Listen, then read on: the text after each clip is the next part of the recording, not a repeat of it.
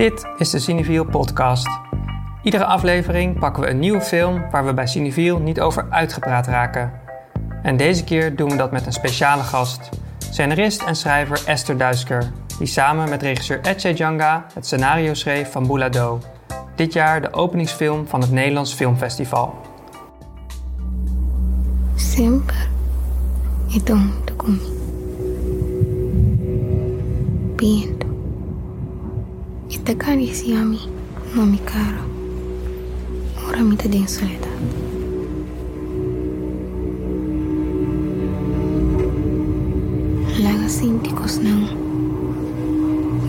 comprende. Het scenario van Boulado begon met een verhaal van vijf kantjes, verteld door de oom van Djanga. Een verhaal over een vader en een opa, geïnspireerd op een slavenzagen. Over een berg op Curaçao, waar vandaan tot slaafgemaakten konden terugvliegen naar Afrika. De sage werd doorverteld van generatie op generatie en vond via Djanga en Duisker zijn weg naar het witte doek. Waarom ben je niet op school? Mama sogra. Tur sushi. Hou je? Ang kostray pa sa Espiritu di mama at tumakontakto ko. In Boulado zien we het leven van drie botsende generaties, samen in een huis in Bandabao, in het westen van Curaçao. Een vader en een opa en de elfjarige dochter en kleindochter Kenza. In de openingsscène bekijkt ze de wereld langs het elastiek van haar katapult. Ze mikt op een leguaan, maar zou op alles en iedereen een steentje willen schieten. Lagrima ng indicativo, ng sanger, ng sodo, at renta ng eteraki. Die konjo-geesten. Respectate zij. Op school wordt ze gepest. Ze worstelt met het verlies van haar moeder. En thuis aan de eettafel is er strijd tussen haar stugge vader en spirituele opa. Praat Nederlands, beveelt vader. Praat papiaments, zegt opa. We moeten je moeder vergeten, denkt de een. Ze is juist altijd bij ons, beweert de ander. Naar wie moet Kenza luisteren en in welke taal? We gaan het hebben over Boulado, over schrijven voor film en schrijven in verschillende talen. En we bespreken films over kinderen en wat je daar als volwassene aan hebt en als kind misschien ook wel. Mijn naam is Jesse Heines en ik ben redacteur van Cineviel. Bij mij in de videobijeenkomst zit mijn collega Robert Doelwijd junior en gelukkig ook bij mij in beeld, ik noemde haar net al, Esther Duisker. Robert en Esther, welkom. Hallo. Esther, ik begin natuurlijk even bij jou. Vorige week, uh, voorafgaand aan deze podcast, mailde je dat je hoofd en je hart op ontploffen stonden van de spanning en de dankbaarheid in aanloop naar de première. Uh, vertel, hoe is het gegaan in Utrecht? Jemig, ja, het was uh, heel overweldigend eigenlijk. Uh, ik besefte me helemaal niet wat we eigenlijk hadden gemaakt en hoe groot dit was. En tegelijkertijd was het, zo, was het ook heel erg uh, ja, liefdevol. Vooral veel liefde hebben we uh, gevoeld die avond. Het was ook heel gek, omdat het natuurlijk coronatechnisch allemaal anders moest dit jaar. De NFF heeft dat wel echt waanzinnig goed gedaan, vind ik. Want uh, film werd naast in 100 bioscopen door het, of 100 zalen door het hele land uh, ook uh, drie keer vertoond, zeg maar. Er waren drie screenings die avond. In Utrecht waren ja, er drie? Ja, in ah, ja. Kinopolis.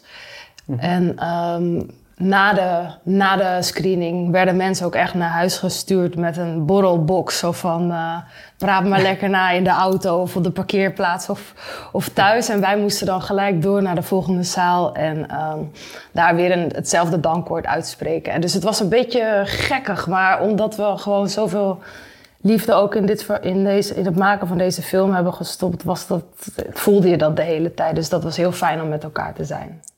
Je had dus eigenlijk drie premièreavonden op één. Uh, ja, ja. Eigenlijk. Ja, ja, precies.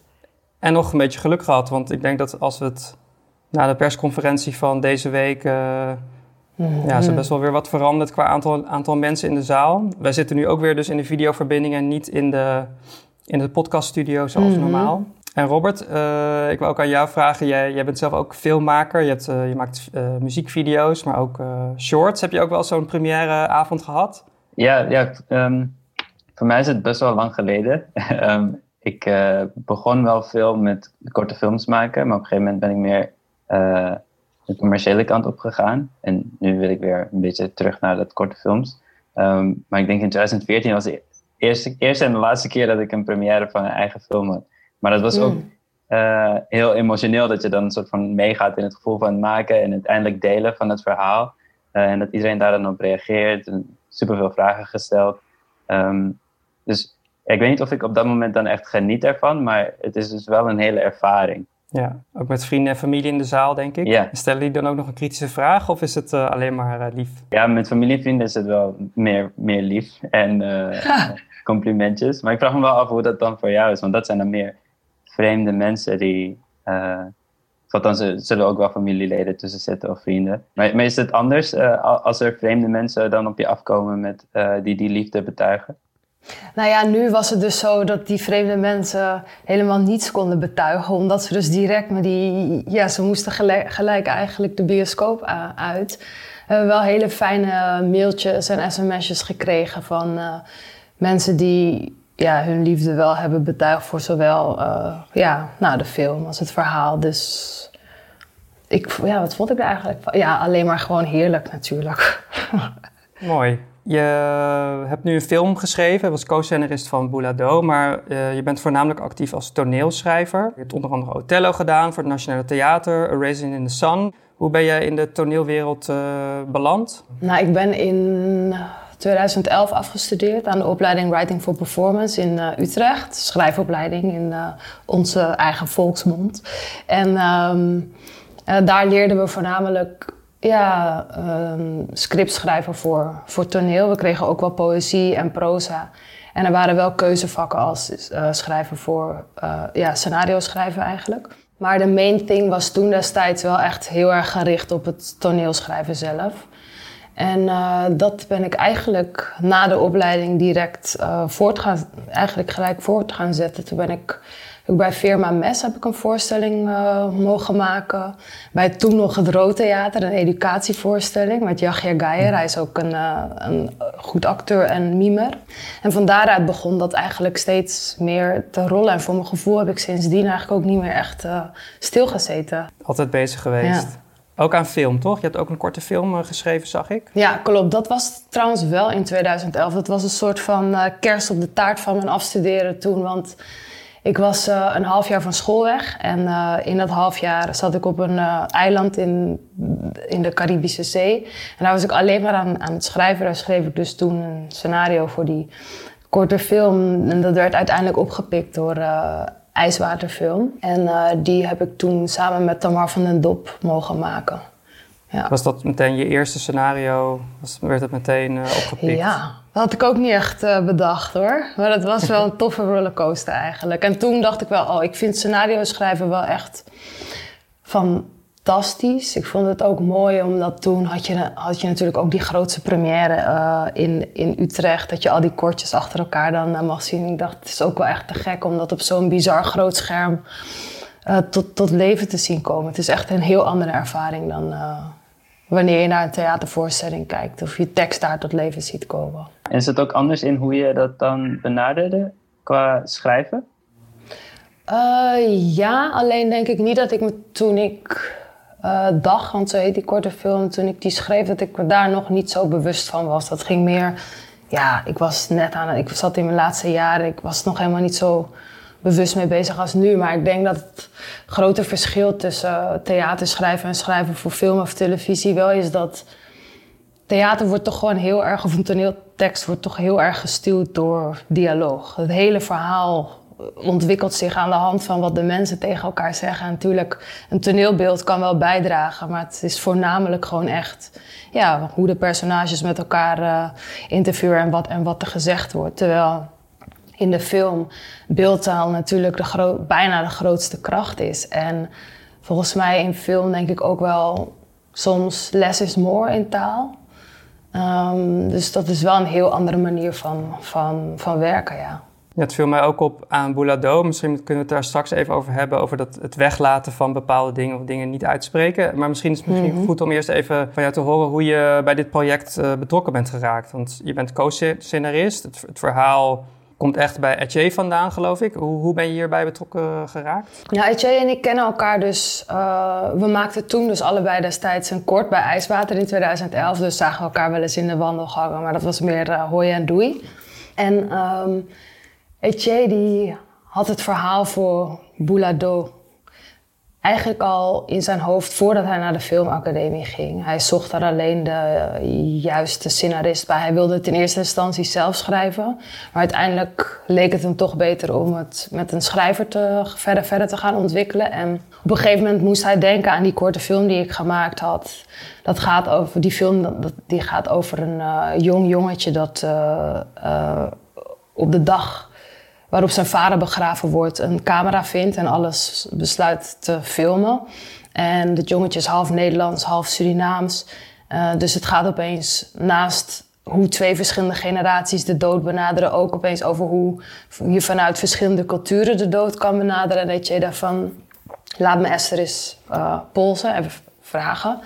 En hij had toen een korte opzet gestuurd van waar uh, zijn film of zijn verhaal over moest gaan. En had op, had op dat moment zoveel raakvlakken met um, wat ik op dat moment aan het schrijven was. Waarin ook weer dit soort thema's uh, voorbij kwamen.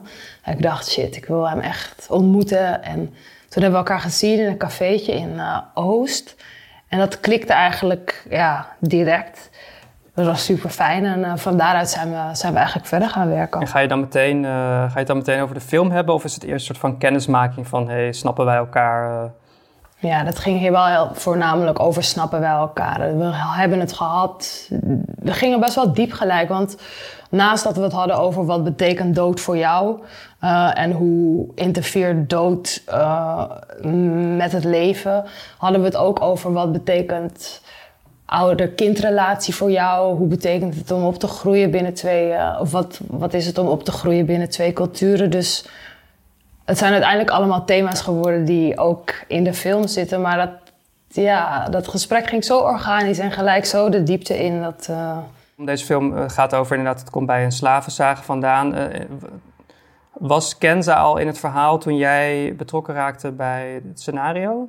Um, nou, het ging eigenlijk over uh, to, toen Etienne bij mij kwam. Uh, hij, hij heeft dit verhaal, dat vertelde je net ook al, heeft hij gevonden op de zolder van, uh, van zijn oom, die dat dus in vijf kantjes had opgetekend. En dat verhaal ging over een vader, een opa en twee broers. Waarbij de jongste broer de wens van de opa heel graag in vervulling wilde laten gaan. En de wens van die opa was dat hij um, wilde sterven, zoals de Caikotillos uh, de oorspronkelijke bewoners van uh, Curaçao. En dat zou zijn, volgens het verhaal van uh, Orlando dus, Jay's oom, dat hij op een paard, een warawara, dus de roofvogel van, van het eiland, zeg maar, achterna ging. En dan uiteindelijk van een berg zou springen, eigenlijk zijn vrijheid tegemoet, of zijn ziel weer de vrijheid zou geven. En dat verhaal kwam weer dus uit die zagen waarin zeg maar tot slaafgemaakte, dus eigenlijk Afrikaanse mensen, die werkten in de zoutpannen, in de zoutmijnen. Als ze daar niet van hadden gegeten van het zout, dat ze dan dus uh, vleugels zouden krijgen en zo hun vrijheid tegemoet zouden kunnen gaan als ze van diezelfde berg zouden springen. Uh, ze wisten daarin wel dat ze dood zouden gaan. Um, alleen, want ja, ik bedoel, Nee, goed, dat was trouwens niet de vraag. Laat maar. Maar um, uh, het begon... Goed, ik ga gewoon weer terug naar waar, wat je eigenlijk vroeg. Ja, precies. Uh, nee, het was dus een, uh, eigenlijk een jongetje. En wij, ik vond het ja. interessant als het een meisje zou zijn. ja. Kort en bondig, sorry. nee, dat, maar dat is, ook, ja, dat is ook een van de interessantste facetten van, van Buddha Do, volgens mij. Is dat zij als meisje tussen die twee mannen staat. Mm -hmm. Waarom moest het een meisje zijn? Nou, ik vond het zelf heel erg of wij eigenlijk allebei, Etje en ik, uh, vonden het wel tof als het een meisje zou zijn. Omdat we soms wel vrouwelijke personages of hoofdpersonages missen in, uh, in films. En zeker als je kijkt naar het eiland Curaçao, waar meisjes toch wel vaak worden opgevoed als zijnde mm, netjes en meer girly. Dat het ook een mooi contrast of een, een breder perspectief zou geven op zeg maar, wat vrouw zijn zou kunnen zijn als we er een tomboy van zouden maken. En tegelijkertijd vonden we het ook interessanter worden omdat zij zich dan als meisje, als ze zich steeds meer vrouw begint te voelen door haar ongesteldheid of het gemis van een moeder eigenlijk, die er dus niet is in zo'n mannenwereld. Uh, dat, dat, dat dat de film eigenlijk rijker zou maken en misschien uh, de kleine kijker ook meer zou kunnen geven. Of de jonge kijker, laat ik het zo zeggen. Ja. Dat, dat is ook wel iets wat, wat je wegneemt uit de film als je er naar kijkt. Die kracht en uh, zeker die rijkdom die daaruit komt, zeg maar. Oh, dat voel jij dus al ook? Ja. Oh, te gek, ja. Nou, fijn. Want ik vroeg me af, de, uh, jij hebt, hoe zeg je dat? Het was jouw idee misschien om er een meisje van te maken. Is het dan ook echt jouw personage of heb je dat samen gebracht naar één? Mm, dat is wel echt ons personage. Ik denk dat alles wat wij hebben gedaan, Etje en ik, heel um, erg uitvoerig besproken is. Mm, in die zin ook wel heel organisch is gegaan. Ik denk dat we ook wel.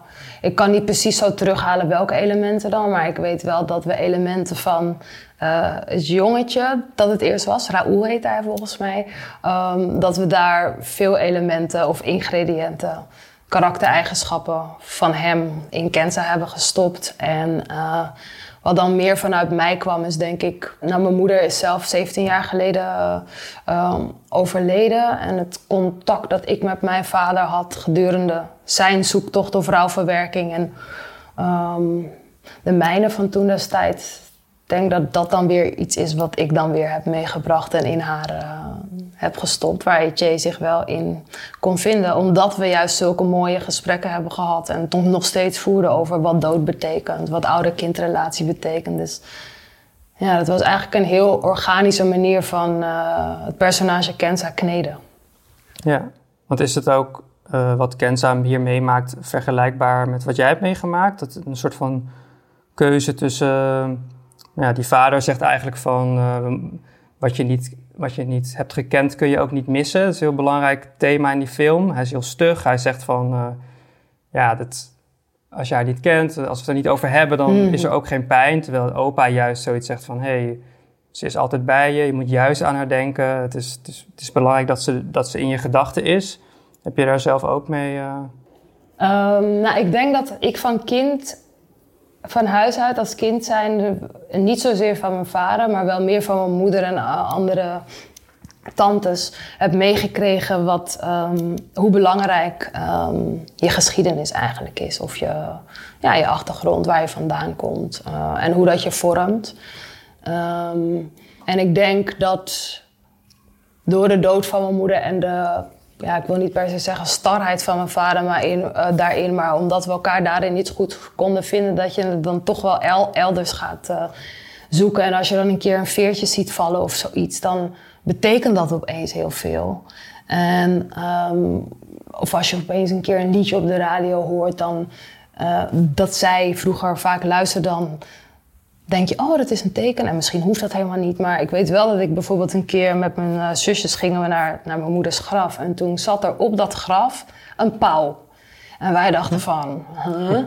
een pauw. En toen zei een van mijn zusjes, oh, dat, dat is mama die zegt van, uh, ze is trots op ons, weet je wel. En ik dacht, oh vet, dat ga ik filmen nou. En toen ik mijn camera pakte om dat te filmen, mijn telefoon, toen scheet hij op dat graf. En toen moesten we een beetje zo lachen van, oké, okay, dat was nou ook alweer niet de bedoeling. Maar zo ga je dus eigenlijk in natuurdingen, uh, ja, ik weet niet, connecties zoeken. En soms uh, hoef je die niet eens meer te zoeken, maar voel je dat opeens. En afgelopen uh, juni, 24 juni, zou mijn moeder eigenlijk 65 worden.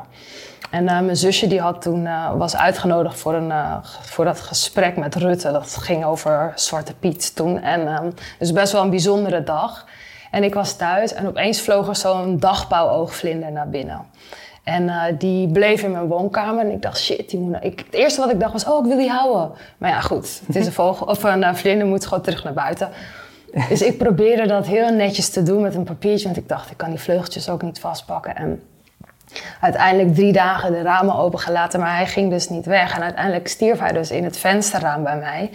En toen dacht ik wel van, fuck, misschien moet ik hem wel gewoon inlijsten eigenlijk. Want ik vond het zo'n bijzonder uh, gebaar eigenlijk. Zo op haar mm -hmm. 65e verjaardag. Niet zomaar een vlinder, maar een dagpauw-oogvlinder. Ik moest dus ook weer denken aan die pauw op dat graf. En dan... Dat maakt verdriet of verlies of gemis um, veel draaglijker. Dat hebben jullie ook heel erg in deze film geprobeerd te stoppen. Ja. Volgens mij, als, ik dat weer goed, goed heb uitgehaald. Ja, dat klopt wel. En eh, nu die film dan in première gaat en misschien overal voorbij flitst op eh, sociale media of in de krant, is, ben je dan ook extra eh, bezig met je moeder? Dat, dat, dat je denkt van, de- de- dit is, ja, omdat het zo lijkt op wat jij hebt meegemaakt, dat dat ook allemaal terugkomt? Of is dat... Nee, het komt niet zo terug in die zin. Ik voel alleen maar een enorme oertrots of een oerkracht van... Wat te gek dat ehm, zo'n gebeurtenis of zo'n event in je leven... en de manier waarop je er gaandeweg je leven mee omgaat... eh, tot zoiets kan leiden. Zij eh, heeft ons alle drie heel erg opgevoed met eh, de liefde voor taal en verhaal. En dat je deze twee dingen dan, of die twee dingen dan zo kunt combineren en tot uiting ziet komen in zoiets als dit of in een film als dit. En de vlucht die het neemt, vind ik alleen maar ja, te gek. Misschien is ook dat wat Ja. ik bedoelde met die dankbaarheid hoor. Naast dat ik zeven kleur in mijn broek scheet die ochtend. Maar dat, ja, dat het meer dan bijzonder is eigenlijk. En dat ik dankbaar Ja. ben dat ik daar zo, of dat we daar zo mee om kunnen gaan. ja. En dat, dat is ook wel, denk ik, een, hopelijk misschien een gedachte die we de kijker eigenlijk mee... Of een, of een, of een troostende gedachte die we de kijker dan misschien mee kunnen geven. ja, want het is een verdrietige film. Het gaat natuurlijk... Ja, Ja, vind je het een verdrietige film? Nou, ik wou, ik wou dus zeggen van, het is verdrietig in de zin van het gaat over rouw, het gaat over het verlies van een moeder en een, een ruzie tussen een vader en een opa. Maar eh, uiteindelijk is het ook een, natuurlijk een hele eh, hoopgo- hoopvolle, vrolijke film in de zin van de manier waarop opa dat verhaal eigenlijk uiteindelijk eh, verlaat. Is, op een, is eigenlijk precies de manier waarop hij dat wil natuurlijk. Dus het is ook eh, een hele positieve manier van omgaan met, met verlies of met rouw of met de dood. Dat, is, ja, dat, dat, dat zie je volgens mij ook niet vaak in, in films op die manier. Het is toch vaak als er dan, als je het hebt over het verlies van een moeder, is dat een, ja, iets om tranen mee te trekken bijvoorbeeld. En dat gebeurde in jullie film voor mijn gevoel helemaal niet. Ik vond dat ook heel fijn. Ja, tranen trekken. Ik heb wel, ik heb wel wat mensen gehoord die toch wel een traantje moesten laten. Maar dat is dus niet per se de intentie inderdaad. Het gaat Nee. wel inderdaad over een, een, een, een hoopvolle boodschap. Of eh, zo van, als je ergens in gelooft, dan kan het je ook een zekere vrijheid geven. Ja. Ja, ja. En nog even terug naar Kenza, want eh, ik weet Robert, jij vroeg je af van hoe het zou zijn, hoe het is om een personage te schrijven en dat dan weer los te moeten laten, toch? Ja, ja want ik, ik, ik vond het ook wel interessant hoe, hoe dat personage is, is ontstaan uit, uit heel veel gesprekken. En ehm, je probeert bepaalde eh, thema's aan te raken. Ehm, en ik, ik kan me voorstellen dat jullie beiden daar ehm, een beeld van vormen in je hoofd. Als je een boek leest, dan vorm je ook al een beeld in je hoofd van wie het personage zou kunnen zijn. Of hoe die zou kunnen zijn. Ik vraag me af hoe dat voelt eh, voor jou als, het, eh, als die dan op een gegeven moment gecast wordt en eh, die rol gaat vervullen. Ehm, Hoe dat proces voor jou voelt of wat zijn daar interessante dingen? Ja, leuke vraag vind ik dat. Want ik vond het castingproces echt te gek. Daar werd ik ook best wel nauw bij betrokken. Wat ik heel bijzonder vind. Dat is heel bijzonder. Ja, ja. En ehm, we kregen in eerste instantie een hele hoop ehm, foto's van eh, meisjes die waren gescout. Op, eh, op Curaçao was er iemand, eh, Vanessa Werkhoven, die ging langs allerlei scholen. En vroeg daar in het Nederlands aan de kinderen al daarvan wie wilde in een film spelen. En Tiara Richards, het meisje dat, of de actrice die Kenza speelt, stak haar vinger op. Maar ze verstaat eigenlijk bijna geen Nederlands en ze spreekt het ook niet. Dus ze wist eigenlijk ook niet waar ze haar vinger voor opstak en waartegen ze dus ja zei. Nou, Etienne en ik zeiden daarover toen we dat hoorden van... kijk, dat getuigt dus eigenlijk heel erg van... of dat zijn karaktertrekken die wij vinden dat Kenza eigenlijk moet eh, bezitten. Gewoon eigenlijk vol ergens ingaan en vol ergens eh volgaan. Dus dat was een hele mooie. En dat ze een observant moest zijn, vonden we ook heel eh, belangrijk. En toen we dus die foto's kregen, zag, was Tiara ons allebei direct opgevallen. En dat kwam door de manier waarop ze keek. Ze leek heel verlegen, maar daarachter, daar, ze hadden gewoon een enorme wereld. Dat zag je direct. Dus toen we naar Curaçao gingen, ik mocht dus ook mee naar Curaçao om locatie te scouten en eh, de castings te doen. En tegelijkertijd ook nog wel eh, de laatste hand aan het script te leggen. Maar Want even, dat is niet normaal, toch? Als je, als je co-scenarist bent, dat je op die manier zo ook wordt betrokken bij, Ja, ik, bij een productie. Ik, eh, nou, ik heb natuurlijk niet, niet zo superveel ervaring ermee nog, maar ik heb wel begrepen dat het vrij zeldzaam is. Tenzij je misschien eh, vaker met iemand samenwerkt en daardoor een nauwere. Ja. Maar voor mij was het eh, nieuw en ja, uniek. En, ehm, maar toen zagen we haar dus live en dachten we, ja, godver, volgens mij is zij het echt. Alleen ze was zo verlegen dat er zo weinig ehm, uitkwam. Toen hebben we haar nog een keer laten komen. Toen werd ze al wat weer losser. Toen waren ook minder ehm, eh, andere kinderen bij natuurlijk. En uiteindelijk, was het eh, haar tegenspeler, Rolie Kelkboom, die haar vader eh, ehm, ja, voor de audities moest eh, vertegenwoordigen. Hij komt ook van het eiland, heeft zelf ook kinderen. En ehm, kent ook een beetje meer de mentaliteit of de dynamiek tussen ouder en kind al daar. Dus wist haar op een dusdanige manier te prikkelen eigenlijk. Dat ze ehm, volledig openbrak. En waar kinderen normaal gesproken vrij beleefd zijn naar volwassenen toe. In ieder geval daar op het eiland. ehm, liet zij dat op een gegeven moment helemaal varen. En kwam dus dat vuur achter haar ogen los. Wat wij dus eigenlijk al eerder zagen. En toen wisten we van... eh, dat Zij is het. ja, dat moet haar zijn. En ik denk dat ze misschien nog wel meer in Kenza heeft gebracht dan wij hadden kunnen eh, voorspellen of hopen. Omdat je sommige blikken niet kunt opschrijven of sommige. Een bepaalde felheid kan je niet. Ja, kan je soms gewoon niet in woorden vatten. En zij, zij, zij bracht dat allemaal wel. Dus Ja, want zij is eigenlijk in dit verhaal zij ook een beetje de toeschouwer tussen die twee wereldbeelden. Van haar vader en haar opa is zij degene die dat een beetje moet aanhoren en daar een soort van keuze in moet maken Mhm. als, als, ja, als jong meisje die nog eh, ja, aan het opgroeien is.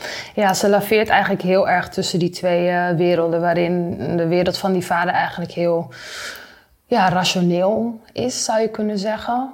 Daardoor niet minder liefdevol, maar gewoon heel rationeel. En ehm, de dood dus ook echt buiten de deur houden.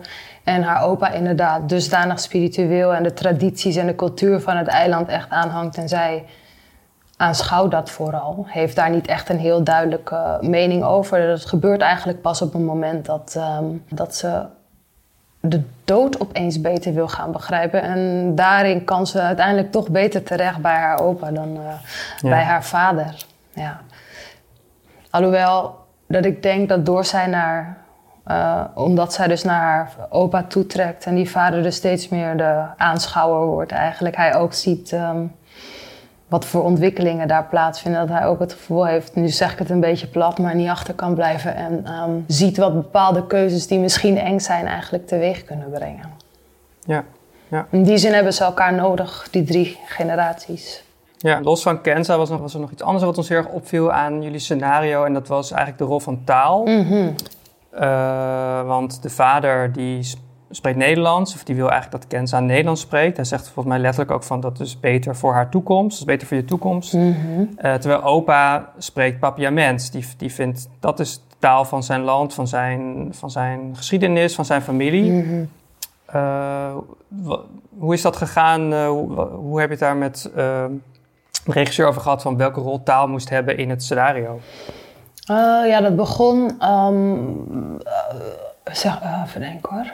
Even teruggraven, want het is inmiddels ook alweer de 2,5, nee, ja, zoiets geleden dat we hebben geschreven. Maar de rol van taal is een hele belangrijke. Eh, in die zin, we zijn gestart vanuit het feit dat ik dacht van... ik wil heel graag twee elementen van het eiland eh, een plek geven. Ik vind de natuur eh, van Curaçao heel rauw en hard. En tegelijkertijd vind ik het ook echt een heel poëtische... van een ja, poëtische schoonheid bezit. Dus ik dacht, dat is iets wat wij als makers in eh, de taal kunnen stoppen... En dan zouden we kunnen zeggen, in het rationele van de vader, Oira, kunnen we die rauwheid of die hardheid kwijt. En in de poëzie kunnen we, eh, of- of in de taal van opa, van Wejo, kunnen we, kunnen we de poëzie ehm, kwijt. Dus dat was in eerste instantie het, het, het eerste uitgangspunt. Eh, toen van daaruit hebben we de dialogen eigenlijk volledig in het Nederlands geschreven. Ehm, alleen kwamen, stuiten we toen zelf al wel op dingen van... ja, maar als een vader boos is of als jouw vader boos is... dan praat hij niet in het Nederlands. Dan, dan, dan grijp je gewoon gelijk terug naar je naar je moedertaal. Dus dat is iets waar we rekening mee moeten houden. Uh, hoe gaan we dat vertalen? Nou, dat was dan voor latere zorg, want we moesten gewoon eerst zorgen dat, het, dat de tekst er kwam. En toen we het aan Felix de Roy lieten uh, lezen, die komt ook van Curaçao. En we wilden, hij speelde opa ja, in, uh, ja, hij, film, ja, we wilden heel graag dat hij Weo zou gaan spelen. En hij las het script en het eerste wat hij zei was... ja, maar die opa die praat geen Nederlands. en toen dacht ik, nee, dat klopt. dat, daar gaan we ook voor zorgen. Dus toen is er een... Um, toen heeft diezelfde acteur, die dus ook bij de castings uh, Kenza um, ja, begeleiden, of Tiara begeleiden, heeft uh, de vertaling eigenlijk gemaakt uh, naar het papiament toe, papiamenten toe. En, spraken jullie, spreekt een van jullie twee papiaments of helemaal niet? Nou, ik, ik, ik echt helemaal niet. Mijn roots liggen ook niet op Curaçao, maar in, in Suriname. Um, mm Ece beheerst het papiament nog niet dusdanig, maar die zit uh, nu wel op les. Ja, ik, ik heb heel veel familie en vrienden om me heen die, um, ik ben zelf ook Surinaams, mm -hmm. ook soort van zitten met dat uh, um, steeds meer nadenken over, hey, moeten we de taal niet leren? Uh, omdat het niet zo makkelijk meegegeven wordt, mm -hmm. door verschillende redenen. Uh, want je hebt ook bijvoorbeeld in Suriname dat het een beetje onbeleefd is om dan tegen je ouders Surinaams te praten. Is dat zo? weet jij waarom? ik, ik weet het niet. Er, er zijn heel veel theorieën daarover. Ja. Um, maar ik, ik heb nog niets conclusives gehoord of iets, iets wat echt heel duidelijk mm. um, terug te werken is. Maar wat zou, wat zou de theorie kunnen zijn? Wat is, uh... Nou, het, ja, dat komt voornamelijk uit het koloniale verleden. Dat is de, de meest voor voorkomende theorie die ik hoor. Um, mm. Dat het in het algemeen uh, onbeleefd was om die taal te praten, omdat de, de mensen die de koloniën daar, uh, de Nederlanders die daar naartoe zijn gekomen, die verstaan het Surinaams niet, dus die willen alleen maar het Nederlands horen. Dus dan zou het onbeleefd zijn richting uh, yeah. de machthebber. Um, en dat, dat het zo erg ingeworteld is en dat dat blijft bestaan. Maar ik weet niet of ja. dat tegenwoordig nog steeds iets is waar Um, ik, ik, kan me er wel in vinden, dat het, het klinkt super logisch voor mij. Mm. Um, maar op de een of andere manier vind ik het toch interessant. Ja, ik, ik, ik, ik, ik snap dat wel. Ik vind dat best wel een plausibele theorie eigenlijk. En, maar ik heb wel ook het idee dat dat, dat dat wel iets is dat langzaam aan het veranderen is. Omdat we steeds meer aan het omarmen zijn wat onze daadwerkelijke cultuur is. Um, en dat dat niet per se uh, met het christendom uh, en de komst van de Nederlander in Suriname dan uh, erin geslagen is, om het zo maar te zeggen. Maar dat we steeds meer teruggrijpen naar wat daarvoor was. En dat er ook dus eigenlijk een soort trots eigenlijk in begint te schuilen. Dus dat het precies wat jij zegt met jouw vrienden van... hé, hey, wat gek eigenlijk dat, dat we die taal niet beheersen. Ik zou dat wel meer, meer willen. Dat gaat ook heel erg, althans hoe ik het zie, over ja, het meer omarmen en dus het ontwikkelen van je eigen identiteit, denk ik. Ik denk dat ik uh, die zin over die die vader zei van ja, je, uh, wat je niet kent, dat kun je niet missen, vind ik op zich dat daar ook weer op slaan. Niet alleen maar op als je je moeder niet kent, maar dus wat mm. dieper van ja, als je geschiedenis niet kent, hoeft niet te betekenen dat je er geen pijn of um, andere dingen van kunt ervaren. Het is iets wat je wel met je meedraagt. En misschien is het ja. niet iets waar je altijd bewust van bent, maar het, bij vlagen komt het toch wel terug. Denk ik ook. En Robert, zou je nu bijvoorbeeld uh, Surinaams willen... Of kun je, spreek je al Surinaams of zou je het willen leren? Ja, ik zou het wel graag willen. Want eigenlijk altijd als ik die vraag krijg, denk ik van... Ja, maar waarom, waarom kan ik het eigenlijk niet? maar ik versta het wel heel goed. Maar spreken... Ja, ook wel eigenlijk zijn het ook wel dingen die je dan hebt horen zeggen van... Ja, het is beter voor je toekomst als je Nederlands spreekt en dat soort dingen. Dus dat kon ik me heel erg herkennen in dat soort momenten. Ja, ja tof. Ja, ik vind het wel tof om te horen. En ook, dat, ja, ook wel tof om te horen dat uh, jij dus ook die drang hebt, net als jouw vrienden, van we moeten die taal ons gewoon gaan, uh, gaan beheersen eigenlijk. Ja, want anders dreigt het ook verloren te gaan of zo. Mm -hmm. Is het moeilijk om dan zelf iets te schrijven en dat dan over te laten aan een vertaler en dat je eigenlijk niet weet van of het wel klopt met wat jij...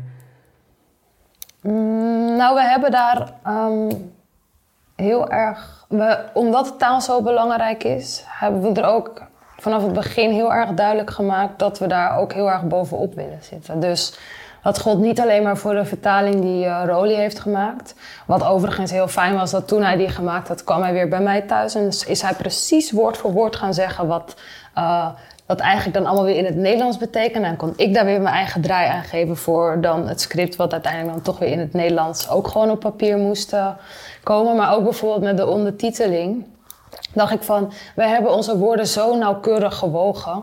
Uh, um, dat ik ook heel graag wil zien wat een ondertitelaar uiteindelijk er weer van maakt. Soms vind ik dat ondertitels een beetje ja, die passen dan niet bij de sfeer van een personage of niet precies bij de sfeer van een, van een um, verhaal. En dat vind ik gewoon zonde. Terwijl, ik bedoel, soms is een woordkeuze van een personage. Dus het ene woord past veel beter bij, bij hem of haar dan, dan een ander woord. En dat was ook uh, toen Etienne en ik nog aan het werk waren en aan het schrijven waren, hadden we bijvoorbeeld over van ja, zegt Weo dan uh, bloed van uh, slaven zitten in deze grond of wonen in deze aarde. Weet je wel, het zijn ja. kleine nuances, maar heel belangrijk omdat ze zo tekenend zijn voor, voor het personage. Dus um, ja, daar hebben we echt ja, daar hebben we heel veel tijd aan uh, geschonken. Zijn er ook um, dingen die je bijna niet zou kunnen vatten in een, in een vertaling? Of die we waren het tijdens het, het hmm. overleg ook al over. Ja, in Arrival was er een, um, een verwijzing naar een, een boek waarin een theorie hmm. zat. Um, dat als je een nieuwe taal leert, dat je dan ook um, uh, anders gaat denken. En dat je anders naar dingen gaat kijken. Arrival, dat is de science fiction film van Denis Villeneuve. Uh, over aliens die op, op aarde landen en hun eigen soort van oh, ja. taal hebben met cirkeltjes en wolkjes. Ik weet niet of je hem hebt gezien, nee, ik, uh, Nee, ik heb die niet gezien. Maar interessant. Want die aliens, die, hoe zit het ook weer, Robert? Weet jij dat? Die schrijven... Ja, die schrijven in een... Uh, um, ja, in een hele andere taal dan, dan wij ons zouden kunnen inbeelden. En op een gegeven mhm. moment, uh, het hoofdpersonage die weet dat op de een of andere manier te vertalen. ja, de, mhm. de technisch weet ik niet hoe dat allemaal werkte, maar mhm. eh, doordat ze dat heel goed weet te vertalen, uh, maakt ze op de een of andere manier allemaal andere um, links in haar brein, waardoor ze de wereld op een hele andere manier ervaart dan andere mensen. Wauw, best wel vet eigenlijk. Dat doet me ook wel denken aan iets wat Felix een keer zei, zo van een mix van culturen en talen zegt iets over de veerkracht van, uh, van de mens. En ik vind, zeg maar, in hoe iemand dus anders leert kijken of zich door middel van taal, vind ik ook iets zeggen over de flexibiliteit of de veerkracht van, uh, ja, van de mens. Ja, ik kan me voorstellen als je twee talen spreekt, dat je dat dan dat ook voor twee soorten ja, ideeën zorgt zorgt voor twee soorten ideeën van over, over de wereld of over, over je leven. Dat zit ook natuurlijk in deze film. Dat mhm. opa praat papje en mens en daarmee kan hij uitleggen wat hij voelt. Terwijl de vader zit heel erg in het Nederlands, wat toch ja, wat strenger overkomt misschien. Of wat strenger... Ja, ik weet wel dat we bijvoorbeeld in, de Nederlands, in het Nederlandse script of in het Nederlandse scenario stond er zoiets als van ik deel hier de lakens uit. En toen zei Rolly van ik deel hier de lakens uit. Wat, wat uh, bedoelt hij? Dat, dat, dat hebben wij hier niet. Dus het moest echt iets totaal anders zijn, wat natuurlijk wel de lading dekt. Maar dat is ook wel interessant, hoe taal op verschillende manieren dan eigenlijk werkt. Totaal anders of onzinnigs opeens betekent. Ja. We gaan even een iets andere kant op. Uh, Boulado is behalve op het Nederlands Filmfestival ook te zien op Cinekit. Uh, het is een film die wordt verteld vanuit het, uh, ja, vanuit het blik van een kind eigenlijk. Uh, terwijl er best wel grote volwassen thema's worden besproken. Dus uh, voor het fragmentje ronde van deze podcast uh, heb ik jullie gevraagd na te denken over een fragment uit een kinderfilm of kinderserie. ja, waar eigenlijk iets wordt aangekaart waar je als kind misschien niet helemaal klaar voor bent. Of waar je dan later, als je er nog naar terugkijkt, denkt van, oh, bedoelden ze dat? Um, Robert, ik begin even bij jou. Wat voor fragment heb jij meegenomen? Um, een kleine um, noot voor mensen die dit op luidspreker hebben staan. Het is wel een beetje een not safe for work. Het is een beetje een, ranzig fragment. en um, ja, als kind heb, ik niet heel veel Nederlandse films gekeken. Uh, maar ik keek wel heel veel naar Cartoon Network. Mm. En ja, op latere leeftijd dacht ik wel van... oh, dit is eigenlijk niet helemaal voor kinderen, ja, het is natuurlijk super leuke kleurtjes allemaal. En, ehm, dus als voorbeeld had ik Powerpuff Girls. Ehm, daar heb je de burgemeester en, ehm, oh, ik ben haar naam kwijt, uh, een, een, personage die uh, bij hem werkt. en de volgende scène komt dus uit een aflevering van Powerpuff Girls. En ik zou hem ook opzoeken, want het, het, het beeld is ook heel erg suggestief. Hello, Mayor. Good day, Miss Bellum. How is every little thing? Pencil go snap. Here, let me help you with that.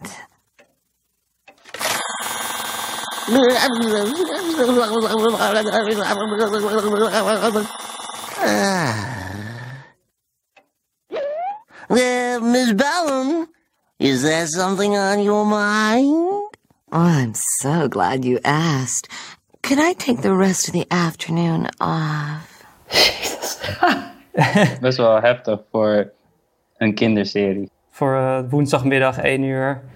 Totaal. Cartoon Network. Ja. Maar, maar ik vind het wel interessant om te zien hoe dat dan toch voor kinderen gemaakt wordt. Of in ieder geval hoe je als kind daarnaar kunt kijken en een hele andere beleving kunt hebben van zo'n scène. En naarmate je ouder wordt, daar terug naar kunt kijken en dan zie je hele andere dingen. Geweldig is dat. Ja. Je bent niet verpest, toch Robert? Nee, gewoon, ik denk het niet. uh, Esther, wat... oh nee, wacht. Misschien moeten we eerst even luisteren en dan kun je daarna vertellen wat we hebben gehoord.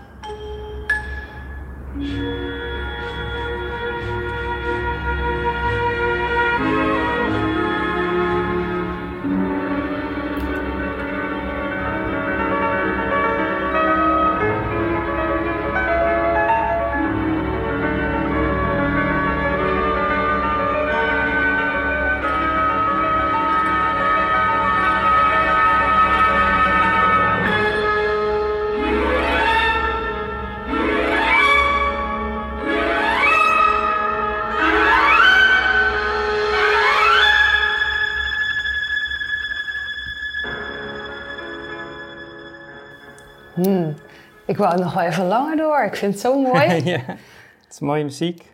Waar komt het uit? Ja, dit komt uit uh, The Snowman. Dat is een, um, een, uh, anima ja, een tekenfilmpje eigenlijk. Van ongeveer een half uurtje van Diane Jackson heeft dat volgens mij gemaakt. En daar zit dus muziek in van uh, Howard Blake.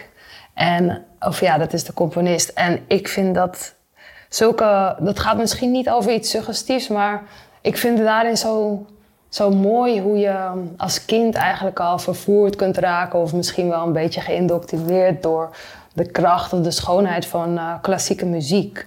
En mm -hmm. als kind zijnde heb je niet zo heel erg bewust door dat dat klassieke muziek is of dat, dat, dat je kan bewegen, maar tegelijkertijd in combinatie met het beeld zit je helemaal in die wereld. Volgens mij is dit die scène, ik weet het ook niet zeker hoor, maar ik kan me herinneren dat uh, dat, dat, verhaal gaat over een jongetje dat uh, het begint te sneeuwen op een dag. En hij gaat, een, hij gaat dus een sneeuwman maken, een sneeuwpop maken. En s'avonds kan hij niet slapen en dan kijkt hij naar buiten en dan is hij er nog steeds. En bij het tandenpoetsen dan kijkt hij naar buiten en is die sneeuwman er nog steeds. En op een gegeven moment slaat de klok 12 uur en dan wordt dat door die sneeuwpop dus echt. En dan gaat hij op avontuur met hem. En mm -hmm. op een gegeven moment is er een scène dat ze dus door de lucht gaan vliegen. Terwijl het ook sneeuwt en het jongetje heeft zo'n schattig dasje om. En dan is dus deze muziek. En gewoon de ja. vervoering van hoe vliegen voelt of zoiets. Dat, komt allemaal, dat wordt allemaal gestuurd door deze song, denk ik. Of door, deze, ja. Door, ja, door dit muziekstuk. En um, het grappige is... Luister je de muziek nog steeds? Ja, dat wilde ik dus net zeggen. Tot op de, oh, dag, tot op de dag van vandaag. Ik heb uh, ooit toen een cd gekregen van mijn vader, van uh, George Winston. Die, dat is, ja, die heeft deze muziek dan ook uh, ingespeeld. Dat is een prachtige cd, Forest heet het. Of een prachtig album. En ik luister dat zelf soms nog steeds om bijvoorbeeld in slaap te komen of zo. Het is echt, oh, ja. ja, het heeft me heel veel gedaan blijkbaar. Ja, en er wordt niet gesproken in deze film, toch? Het is echt puur gewoon de muziek en de beelden die je dan als kind Precies. ook kunnen... Ja, ja heel mooi. Ja. Ik heb zelf een fragment meegenomen uit Alfred J. Kwak, de animatieserie die eind jaren, 90, sorry, eind jaren 80 werd uitgezonden. eh, van Herman van Veen en Akira Miyazaki. Uh, Duits, Japans, Nederlandse co-productie, geloof ik. En Afrotier Kwak gaat over een, een eentje in Nederland. Groot Waterland heet het volgens mij in die serie. En nou ja, hij maakt allemaal gekke avonturen mee. Maar die avonturen hebben ook een soort van één, zeg je dat, één vin, één pootje in, in, het, in het echte leven. En um, een van de ja, grootste verhalen uit de serie gaat over Dolf, een kraai die als een soort Adolf Hitler uh, de kraaienpartij opricht. En die link met Dolf en Adolf heb ik pas veel later gelegd, maar ik vond het toen als kind ook al heel indrukwekkend. Even een stukje laten horen. Wel, ik ga een revolutie uitlokken en er zijn ook beesten die zich daarvoor willen inzetten. Is dit soms een flauwe grap of zo? Natuurlijk niet. Bekijk eens hoe het er met dit land voor staat. De koning heeft geen interesse in de politiek en hij is het vertrouwen van de burgers kwijt. Het werkeloosheidscijfer is heel hoog en ze doen er helemaal niets aan. Is het zo erg? Nou, nou, Alfred, je wilt iets goeds doen voor een ander land... en je weet niet eens wat er in je eigen land allemaal aan de hand is.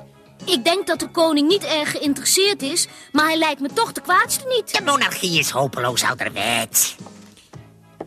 En dus, Alfred, wil ik proberen een politiek systeem voor dit land te ontwerpen. Zoals ik je net al zei, delen velen mijn mening en willen we samen een politieke partij vormen. Ja, het is best wel heftig uh, hoe hij ook praat als Adolf Hitler. En hij heeft ook hetzelfde snorretje.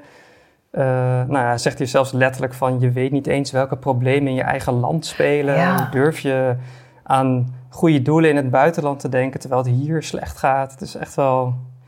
Ja, best wel intens. Ik weet als kind vond ik het heel spannend. En pas later legde ik die link met, uh, ja, met wat er in de Tweede Wereldoorlog allemaal is gebeurd. En ben je het eigenlijk daarna nog een keer gaan kijken met deze gedachten? En zag je toen ook heel ander, nog meer andere dingen? Of, hoe, of heb je het gewoon een beetje toen gelaten voor wat het was? Nou, ik, ik, weet, ik heb het als kind echt... Ik had het ook op bandje, zeg maar in de auto, dat ik het heel vaak geluisterd heb. Mm. En uh, ik keek het dus ook terug voor deze podcast. En toen vielen me dus nog meer kleine dingetjes op, zoals die snor, die was ik helemaal vergeten. Mhm. Hij heeft echt zo'n bloksnorretje. Ja, er zitten gewoon best wel kleine, veel kleine dingetjes in. Ik bedoel, Het blijft ook wel een kinderserie. Het, is niet, het gaat niet per se over uh, rassenhaat, maar het is wel... Ja, het is gewoon je krijgt het gewoon mee. En ik denk als je dan later op school leert Mhm. over de echte Adolf Hitler, dat het dan veel beter landt, omdat je al een soort van Ja, ja. kader hebt uh, door zo'n tv-serie. Volgens mij staat hij op Netflix dus, of op YouTube, kan ook. Dus uh, kijk het allemaal terug. We gaan van de kinderfilms naar een film over een kind, naar Boulado. Um, de, zoals ik al zei, de film is op het Nederlands Filmfestival te zien, maar ook op Cinekid. Uh, we willen het geen kinderfilm noemen, maar we hadden allemaal wel zoiets na afloop van... Hey, dit is eigenlijk ook wel een film die je goed aan schoolklassen zou kunnen laten zien, bijvoorbeeld. Uh, Robert, jij zei, uh, ik wou dat ik deze film als, als kind had gezien. Wat, wat, wat, wat, wat viel je op? Of waarom, waarom was je zo blij om, om dit als een soort van jeugd kinderverhaal uh, voorbij te zien komen? Um, ja, en ik denk ook een stukje verder. Ik heb het ook meteen naar mijn zussen doorgestuurd van... hey, jullie moeten dit gaan checken met uh, mijn neefjes. Wat cool. Want het is ook wel... Ik denk, toen ik opgroeide heb ik dus niet heel veel kinderfilms gekeken. En daarom denk ik ook dat dit heel goed zou kunnen... Ik weet niet, ik vind het altijd wel juist mooi om wat meer volwassen films te laten zien aan kinderen. Afhankelijk van hun leeftijd en welke film natuurlijk. Um, Mm. Maar ik denk wat ik heel mooi vond is dat ik als kind, de films die ik zag, daar zag ik niet per se mensen die op mij leken. Um, en dat vond ik niet erg op dat moment, omdat ik me wel kon verplaatsen in alles wat ik op tv zag. De fantasie was groot genoeg. Maar naarmate ik ouder werd, um, kreeg ik wel meer voorbeelden te zien. En toen zag ik ook voorbeelden van mensen die op mij leken. En toen realiseerde ik me dat het best wel bijzonder is als je een film tegenkomt waarin ik als zwarte man mezelf terugzie. Um, en met die nieuwe, dat, dat nieuwe perspectief denk ik wel van het zou zo mooi zijn geweest als ik als kind uh, een film had gezien waarin ik een meisje zag met een neus zoals die van mij, met haar zoals die van mij. En ik denk dus ook voor mijn neefjes en nichtjes dat dat een super mooie, um, super mooi iets is. En ik denk dat dat, ja, dat is wel iets waardevols. Vet. Ja. Vind ik mooi om te horen. Dus eigenlijk die representatie. Ja. Die herkenning, ja. Maar ook, ik denk ook zelfs het spirituele en, en de thema's die besproken worden, dat zijn thema's die um, voor mij om mij heen, toen ik opgroeide, was, was er ook spiritualiteit, maar dat thuis was dat de enige plek waar ik dat zag. Ehm, Op school werd er wel gesproken over het christendom, en, maar um, Surinaamse cultuur of een cultuur die daarop lijkt, dat, dat werd niet echt besproken. Of, en het was misschien zelfs dat je daar niet echt over kon praten. en dat zijn ook van die dingen die het wel fijner maken om dat meer in de wereld te zien en in de media te zien. Ja, dat denk ik ook. Want ja, daar ben ik wel met je eens, bedoel ik eigenlijk mee te zeggen. Want het geeft gewoon ook een rijkdom aan, uh, aan culturen aan die ook eigenlijk een land als Nederland rijk is. Met al die mensen die overal vandaan uh, uh, komen. En had jij, toen had jij dan vroeger als kind dan het gevoel, omdat het dan vooral dan binnenshuis was, dat het dan ook iets was waar je het, en je het ook niet gerepresenteerd zag, dat het dan iets was wat misschien eigenlijk niet bestond of er niet echt kon of mocht zijn? Of dat niet per se? Ja, ik denk dat de, de manier waarop mijn familie erover sprak, dat ik mhm. geluk heb gehad of geprivilegeerd was daarin. Dat ik, um, ze hebben me heel goed onderwezen daarin, waardoor ik mhm. wel, ik weet niet, ik heb me er altijd heel veilig in gevoeld. Ehm, niet per se in het delen ervan, maar ik heb mezelf, ik, het zijn wel dingen waar ik zelf heel erg in geloof. En um, dus wat dat betreft uh, heeft het daar niet per se effect op gehad, maar het is wel, ik heb wel het geluk gehad dat mijn ouders het dan op die manier zo meegaven. Ja, special. Tof. Maar ik denk dus ook voor mensen, ik denk die lessen die in deze film zitten, ook als het gaat om um, dat, het, dat de dood niet per se het einde hoeft te zijn, of dat de melancholie die daarin zit, en ook dat het mhm. niet zo zwart-wit is allemaal. Dat, dat zijn denk ik lessen die voor volwassenen super belangrijk zijn, maar ook voor, voor kinderen. Dus, dus inderdaad, geen kinderfilm, niet per se, maar ik denk dat de lessen gewoon voor alle soorten mensen belangrijk zijn. Ja, ja dat denk ik, dat denk ik eigenlijk ook wel. En ik vind, zeker als je het hebt over, zeg maar, de Surinaamse cultuur.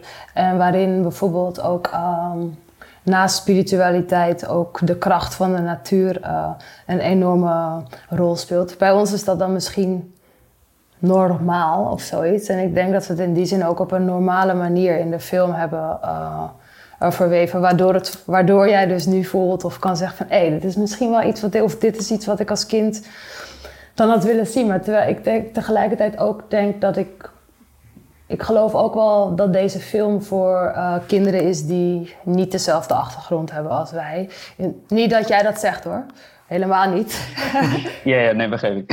uh, maar omdat, omdat het ook gewoon over een, uh, een, een, organisch iets gaat wat ontstaat. En tegelijkertijd ook nog eens een keer over uh, drie, drie generaties die um, op elkaar balanceren. Soms hangt de een wat meer dan de andere Maar ik denk dat dat een universeel iets is wat ook wel herkenbaar is voor zowel de oudste generatie als de middelste generatie die vader als zijn. En, en, en dus het jongste de jongste generatie. Ook wordt alles vanuit haar perspectief uh, verteld. Ik vind dat, ik, ik, dat maakt denk ik niet zo heel veel, um, niet zo heel veel uit. Hebben jullie heel bewust nagedacht over iets wat jullie wilden meegeven aan de kijker, los van de spiritualiteit? Want er zit bijvoorbeeld ook een scène in waarin de opa met uh, de kleindochter naar het museum gaat en hij wil niet naar de voordeur, hij wil inbreken. Hij zegt: Ik ga niet betalen voor mijn eigen cultuur. Klopt. Het is, best wel, het is een subtiele scène, maar het is ook. Ja, jullie willen er volgens mij ook wel iets mee zeggen met zo'n uh, uitspraak van die opa. Ja, ik denk dat we daarmee vooral ook willen zeggen wat voor. Uh, het feit dat, dat, dat Kenza zegt, um, de voordeur is gewoon open, ga gewoon. Zo voor haar is het bijna normaal, uh, normaal dat je dus betaalt voor uh, iets wat in een museum staat. Met die, in andere woorden, nog niet zo heel erg bewust van waar het eigenlijk allemaal vandaan komt, wat er in zo'n museum te zien is. Terwijl voor die opa niets meer is dan dat wat hij al uh, weet of waarmee hij is opgegroeid. En dat het natuurlijk krankzinnig is om te gaan betalen voor, voor de dingen die uh, misschien wel van jou zijn. Het lijkt zo vanzelfsprekend hier in het Westen, zelfs op een eiland dat van oorsprong helemaal niet westers is. Um, dat een andere cultuur daar als iets uh, exotisch of um, wordt gezien. Terwijl dat, dat is. Dat, hoe, ja, hoe we daar zijn gekomen, dat, dat, dat blijft uh, fascinerend eigenlijk. En ik denk dat dat wel zeker iets is om een lang verhaal kort te maken. Uh, ehm, dat, dat het wel iets is wat we mee hebben willen geven. Of in ieder geval een klein zaadje planten over... hé, hey, hoe werkt dat eigenlijk? Of hoe, hoe zit Ja. dat eigenlijk? Inderdaad. Want even voor de duidelijkheid, in deze film gaat het om een, een, een kledingstuk of een, een, een, hoe zeg je dat, een, een outfit van ja, de inheemse bevolking, van de voorvaderen van opa eigenlijk. Die zegt Mhm. van ja, waarom zou ik, waarom staat het in een vitrine? Waarom zou ik ervoor betalen? En Ja. eh, dat is een beetje zijn punt toch? Van dit is al van mij, dus ja, eigenlijk wel. ja. Ja, Ja. precies. Dus dat vraagstuk is gewoon, er wordt verder, het wordt niet heel erg verder uitgedragen of uitgemeten, maar ik denk dat het genoeg is om eventjes bij stil te staan van ja, inderdaad. Dat is best gek natuurlijk. Ja, want dat ik, vaak bij Nederlandse films wordt er heel veel gepraat en heel veel dingen gezegd en heel veel op, op, op dialoogniveau uitgelegd. Terwijl bij jullie film had ik het idee van dat er ook veel is weggelaten. We hadden het in het begin al eventjes over van de Mhm. podcast. Hebben jullie echt bewust dingen geschaafd of dingen echt weggehaald omdat jullie dachten van ja, dit, de kijker snapt dit wel zonder dat wij nu een soort van... Mm, nou, ik weet één ehm, goed voorbeeld waarin, zeg maar, op een gegeven moment is er een scène waarin eh, de vader met de dochter in de auto zit. En, op een, en hij wil dan iets gaan vertellen over de overleden moeder. Dat is eigenlijk de eerste keer dat hij eh, een soort van, ja, opens up. Zo, eh, een beetje. En dan wil hij iets zeggen over die moeder. En in het script staat daar een hele volledige zin. Maar Etienne heeft er gewoon voor gekozen om ehm, dat weg te, om eigenlijk dat weg te laten. Dus hij start de zin wel, maar voor Etienne betekent zo'n stilte eigenlijk zoveel meer. En ehm, zo is dat met meerdere dialogen eh, gebeurd. En dan zou eh, mijn ego natuurlijk kunnen denken: ja, maar oh, eh, wacht eens even, dat is niet hoe het bedoeld is. Maar mm, ik denk dat Etienne precies dat heeft weggelaten ehm, wat nodig was, of dat er over is gebleven. ehm, wat over moest blijven. Soms hoef je het niet dicht te plamuren, inderdaad. Waarvoor het denk ik wel goed is geweest dat het er allemaal heeft gestaan. Of dat het ergens allemaal staat, is omdat... Dat heb ik ook wel teruggehoord van Everon, Jackson Hoy, een van de acteurs die de vader dan speelt. Ehm, dat het een scène of de achterliggende context van, eh, van een scène of een, van, van een personage wel goed blootlegt. Iets wat je mee kunt nemen in je, in je spel. Maar ja, je hebt het inderdaad niet altijd nodig. Dat is voor mij als schrijver ook nog steeds een, eh, een leerproces eigenlijk hoor. Van hoe, ehm, ja, wat schrijf je op, wat kan je weglaten. En ehm, daarin verrast zowel een theatervoorstelling mij als dus deze film. Toen ik die dus ehm, zag toen zij terugkwamen van Curaçao. Ja. Na het draaien, ja. En Wil je nu meer films gaan maken of, meer, of ook theater of allebei gaan doen? Of? Nou, ik wil heel graag weer een film maken met Etienne. Ik heb het echt een hele lekkere, fijne samenwerking met hem ehm, eh, gehad. Ehm, ehm, en zeker daarna ook nog wel. Ik heb hier de smaak wel van eh, te pakken. Al is het alleen maar om dus meer te onderzoeken van hoe taal een functie kan krijgen in, in iets, in beeld, zeg maar. Maar theater blijven schrijven, dat ga ik zeker, ja, dat blijf ik zeker wel doen, ja. Ja, tuurlijk. Wij kijken bij Cineville in ieder geval uit naar je volgende film. Poulado is vanaf nu overal te zien in Cineville. Dat was hem alweer voor vandaag, de Cineville podcast. We hebben het uitgebreid gehad over Boulado en natuurlijk over nog meer films. Als je dat lijstje nog even rustig na wil lopen, dan kun je de titels terugvinden in de show notes. Wil je meepraten? Dan kan dat door een mailtje te sturen naar podcast.cineviel.nl of door te tweeten naar @cinevielpod. We zijn er snel weer met een gloednieuwe podcast en ga tot die tijd vooral lekker veel naar de film in. Bedankt voor het luisteren en heel veel dank aan Esther Lusker en mijn collega's Robert Doelwa Jr. en Jente Buskus. Dankjewel jongens. Gezellig, dank jullie. Doei. Bye. Doei.